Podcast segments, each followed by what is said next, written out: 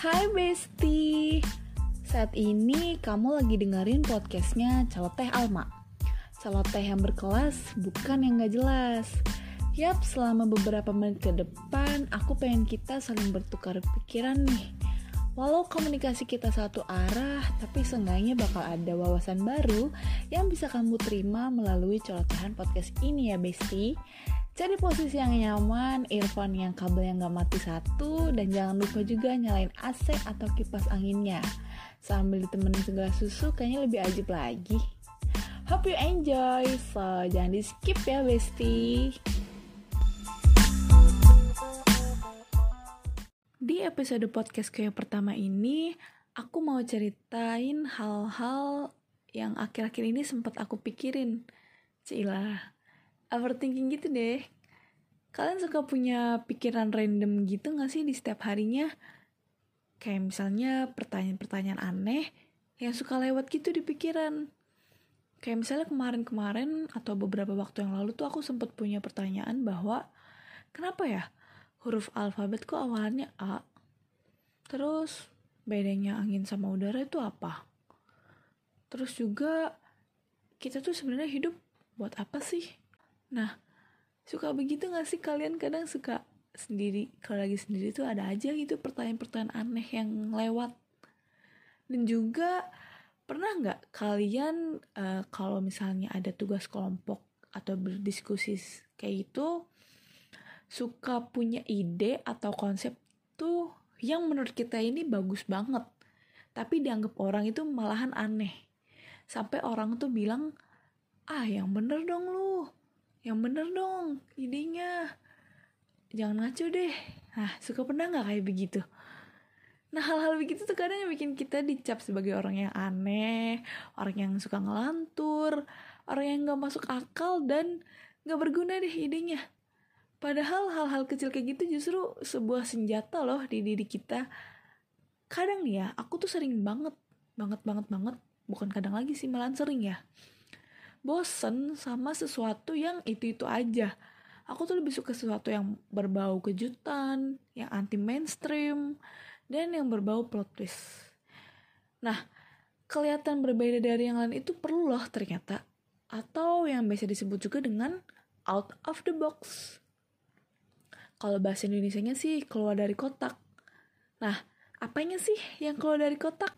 Jadi, maksudnya adalah bagaimana kita berpikir yang keluar dari sebuah kotak, menjadi tidak seperti biasanya, memiliki pemikiran yang berbeda seperti kebanyakan orang in the box. Orang yang berpikiran in the box tidak suka dengan hal-hal yang aneh. Mereka lebih suka menjadi pengikut, malas menciptakan sesuatu yang baru.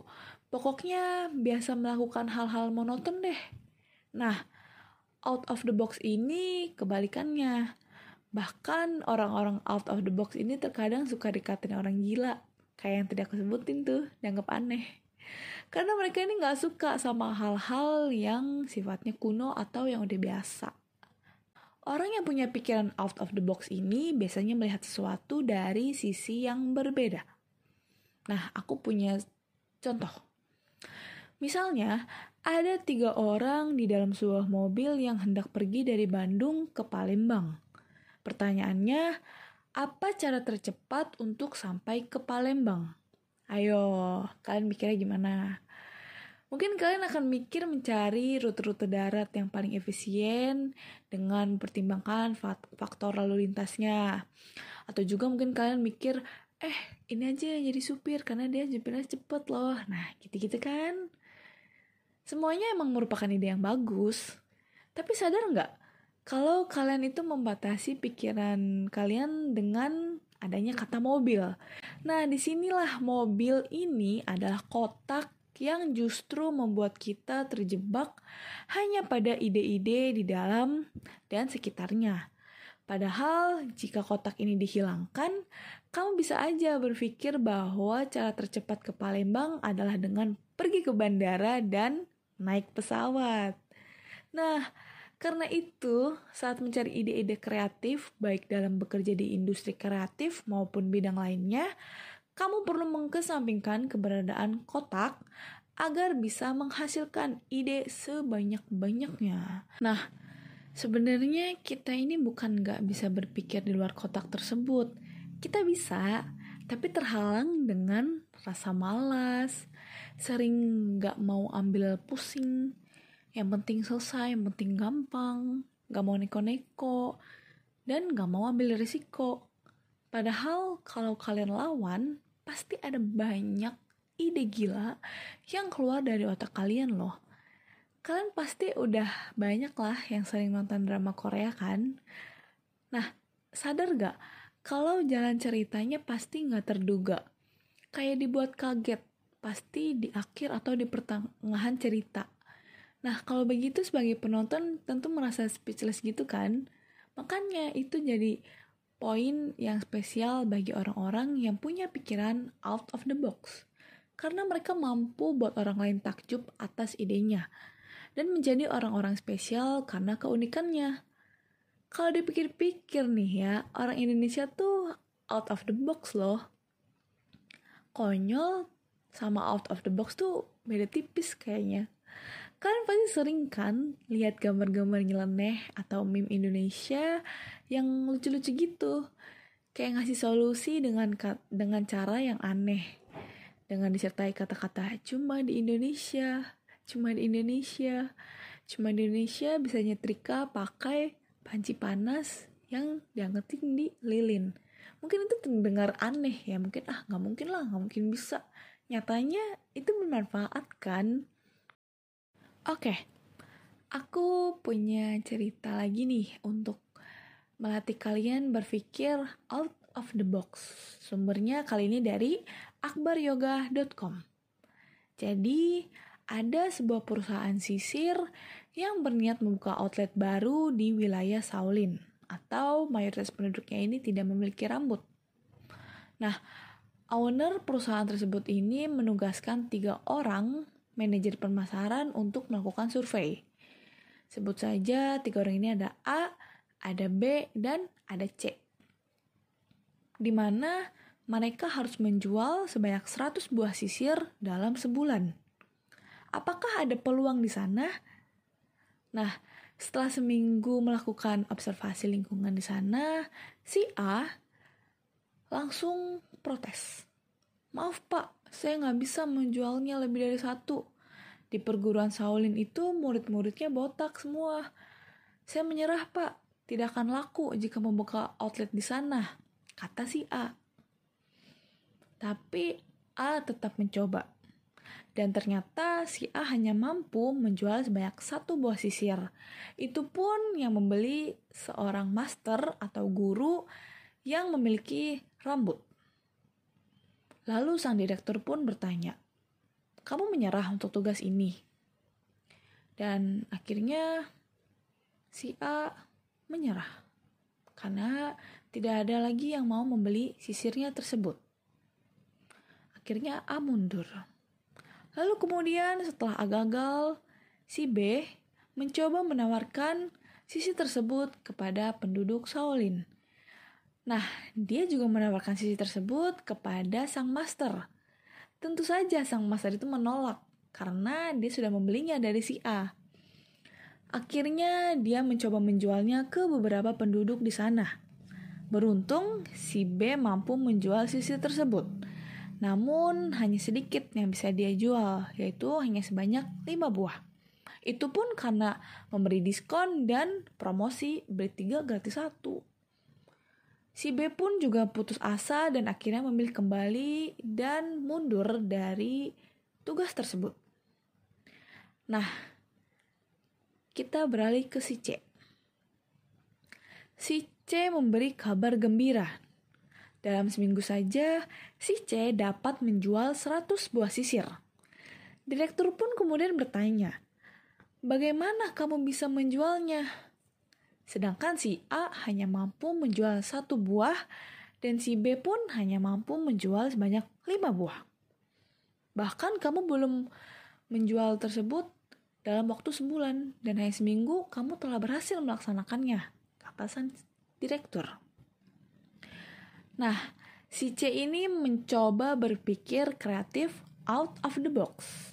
Si C tidak menjual sisir untuk menyisir rambut, melainkan sebagai cendera mata, di mana si C membuat kerjasama dengan sang master, yaitu meminta tanda tangannya di sisir.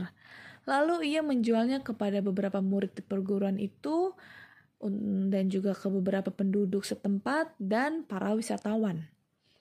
Sebuah cenderamata yang berupa sisir. Sisir ini telah ditangani oleh seorang master dari perguruan Shaolin ucap sang C saat melakukan penawaran sisir tersebut. Dalam sekejap, sisir itu pun laku keras. Orang-orang biasa pasti selalu berpikir bahwa sisir itu gunanya hanya untuk mengisi rambut. Padahal bisa saja untuk menggaruk atau yang seperti saya lakukan, yaitu sebagai cenderamata. Nah, itulah contoh berpikir out of the box. Kreativitas itu sangat penting. Tanpa pikiran kreatif, dunia ini sangat tidak berwarna. Nah, gimana sih caranya melatih kita supaya bisa berpikir out of the box? Kalau aku pribadi, cara yang pertama itu adalah aku melakukan diskusi atau obrolan-obrolan santai tapi serius dengan teman-teman aku. Nah, biasanya ini obrolannya nggak harus yang langsung berat kok. Dari hal-hal random yang tadi aja kayak kenapa sih alfabetku dari A ya? Kenapa sih hidup tuh kita harus ngejar apa sih? Nah kan dari situ pasti akan ada jawaban-jawaban yang tidak terduga dari kita sebelumnya dari jawaban teman kita itu. Selain itu aku juga sering baca cerita-cerita inspiratif atau cita-cita orang-orang cerdas yang memiliki pikiran out of the box Nah, jadi dari cita-cita tersebut ini, biasanya lambat laun itu kita mulai terlatih dengan beberapa pikiran-pikiran yang belum kita uh, terfikirkan sebelumnya dan jadi lebih bisa leluasa atau terbuka untuk melihat suatu hal itu dari berbagai perspektif atau berbagai sudut pandang. Dan yang ketiga yaitu nonton drama Korea. aduh, aduh, aduh, aduh. Jangan disepelein guys, swear deh. Mungkin bagi sebagian orang nonton drama Korea ini cuma buang-buang waktu aja. Tapi nyatanya enggak loh. Aku justru uh, selama nonton drama Korea ini gak fokus dengan ceritanya. Aku fokus dengan bagaimana cara mereka ini menyelesaikan suatu permasalahan, bagaimana cara mereka berdialog, dan bagaimana mereka berstrategi untuk memecahkan suatu kasus. Kayak misalnya kalian uh, nonton drama Korea Voice. Nah, itu kan tentang detektif. Nah, dari situ tuh mulai terlatih bagaimana pikiran-pikiran kita atau ide-ide kita uh, yang belum pernah terpikirkan sebelumnya dan mereka ini terpikirkan. Jadi kita selama nonton tuh, oh iya juga ya. Oh iya ternyata begini. Nah, seperti itu. Nggak hanya drama Korea aja sih sebenarnya. Dari drama Cina, drama Thailand, ataupun yang lainnya juga sama. Karena kan semakin banyak kita menonton film atau tayangan dari luar negeri, semakin banyak juga referensi-referensi atau ide-ide atau mindset dari beberapa orang tersebut yang bisa menambah wawasan kita untuk berpikir lebih matang lagi. Jadi nonton film atau series itu bermanfaat juga kok. Nah, misalnya yang lagi rame dibicarakan saat ini nih, yaitu Squid Game. Bagi kalian yang udah nonton Squid Game, enggak nggak kalau salah satu karakternya itu yaitu Sang Woo berpikiran out of the box.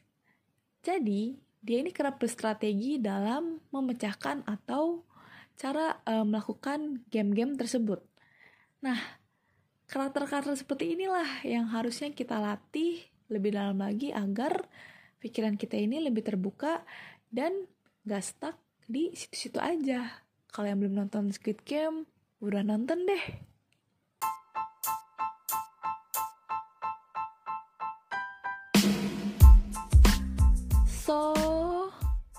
Segitu dulu Besti tentang hal yang mau aku sampaikan di episode podcastku yang pertama ini yaitu perlu kita jadi orang yang out of the box jangan takut untuk dianggap aneh ataupun gila karena yang gila itu justru yang bisa merubah dunia Makasih banget nih buat kalian yang udah dengerin podcast ini sampai akhir.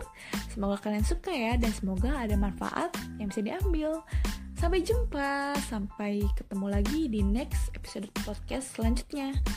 Dadah, jangan lupa tersenyum dan selalu bahagia ya bestie.